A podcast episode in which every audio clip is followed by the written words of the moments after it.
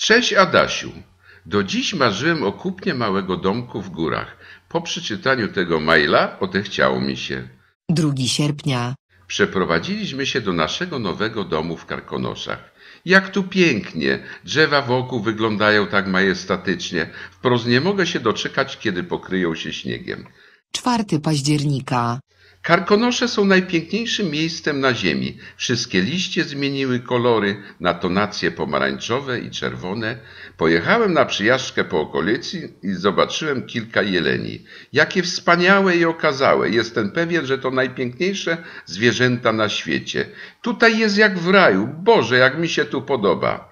11 listopada, Ostatniej nocy wreszcie spadł śnieg. Obudziłem się, a za oknem wszystko było przykryte białą, cudowną kołderką. Wspaniały widok, jak z pocztówki bożonarodzeniowej.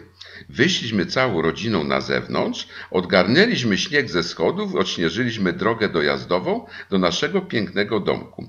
Później zrobiliśmy sobie świetną zabawę, y, bitwę śnieżną, oczywiście, ja wygrałem. Wtedy nadjechał pług śnieżny i zasypał to, co wcześniej odśnieżyliśmy, a więc znowu musieliśmy odśnieżyć drogę dojazdową. Super sport, kocham karkonosze. 12 grudnia, Zeszłej nocy znów spadł śnieg. Odśnieżyłem drogę, a pług śnieżny znów powtórzył dowcip z zasypaniem drogi dojazdowej.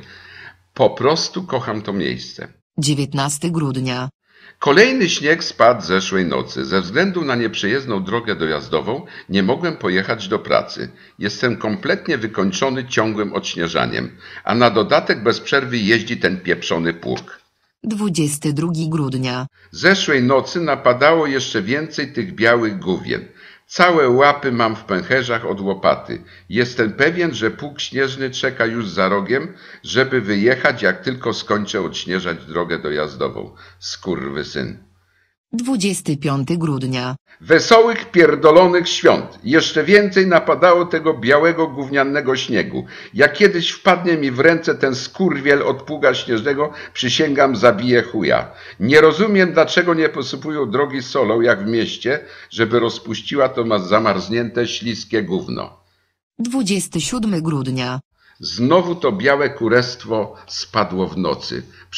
Dni wytknąłem nosa z domu, oczywiście z wyjątkiem odśnieżania tej jebanej drogi dojazdowej, za każdym razem, kiedy przyjechał pług. Nigdzie nie mogę dojechać. Samochód jest pogrzebany pod wielką górą białego gówna. Na dodatek meteorolog w telewizji zapowiedział 25 centymetrów dalszych opadów tej nocy. Możecie sobie wyobrazić, ile to jest łopat pełnych śniegu. 28 grudnia, Jebany meteorolog się pomylił. Napadało 85 centymetrów tego białego kurestwa. Ja pierdolę, teraz to nie stopnieje to nawet do lipca. Pług śnieżny na szczęście ugrzązł zaspie, a ten chuj przyłazi do mnie pożyczyć łopatę. Myślałem, że go od razu zabiję, ale najpierw mu powiedziałem, że już sześć łopat połamałem przy odśnieżaniu, a siódmą i ostatnią rozpierdoliłem o jego zakuty góralski łeb. 4 stycznia, Wreszcie jakoś wydostałem się z domu. Pojechałem do sklepu kupić coś do jedzenia i picia. Kiedy wracałem pod samochód, skoczył mi jeleń. Ten pojebany zwierz z rogami narobił mi szkód na trzy tysiące. Przez chwilę przebiegło mi przez myśl, że jest on chyba w zmowie z tym chujem od pługa śnieżnego. Powinni powyszczelać te skurwysyńskie jelenie, że też myśliwi nie rozwalili wszystkiego w sezonie. 3 maja, Dopiero dzisiaj mogłem zawieźć samochód do warsztatu w mieście. Nie uwierzycie, jak zardzewiał od tej jebanej soli, którą jednak sypali drogę. Na podjeździe stał zaparkowany, umyty i błyszczący pług śnieżny z nowym kierowcą. Tamten podobno jeszcze leczy rozjebany łeb. Na szczęście od uderzenia stracił pamięć, bo jeszcze poszedłbym za chuja siedzieć. 18 maja, Sprzedałem tą zgniłą ruderem w karkonoszach jakiemuś wypacykowanemu inteligentowi z miasta. Powiedział, że całe życie o tym marzył i zbierał kasę, aby na emeryturze odpocząć. A to się głupi chuj zdziwi, jak przyjdzie zima i ten drugi chuj wyjdzie ze szpitala. Ja przeprowadziłem się z powrotem do mojego ukochanego, urokliwego miasta.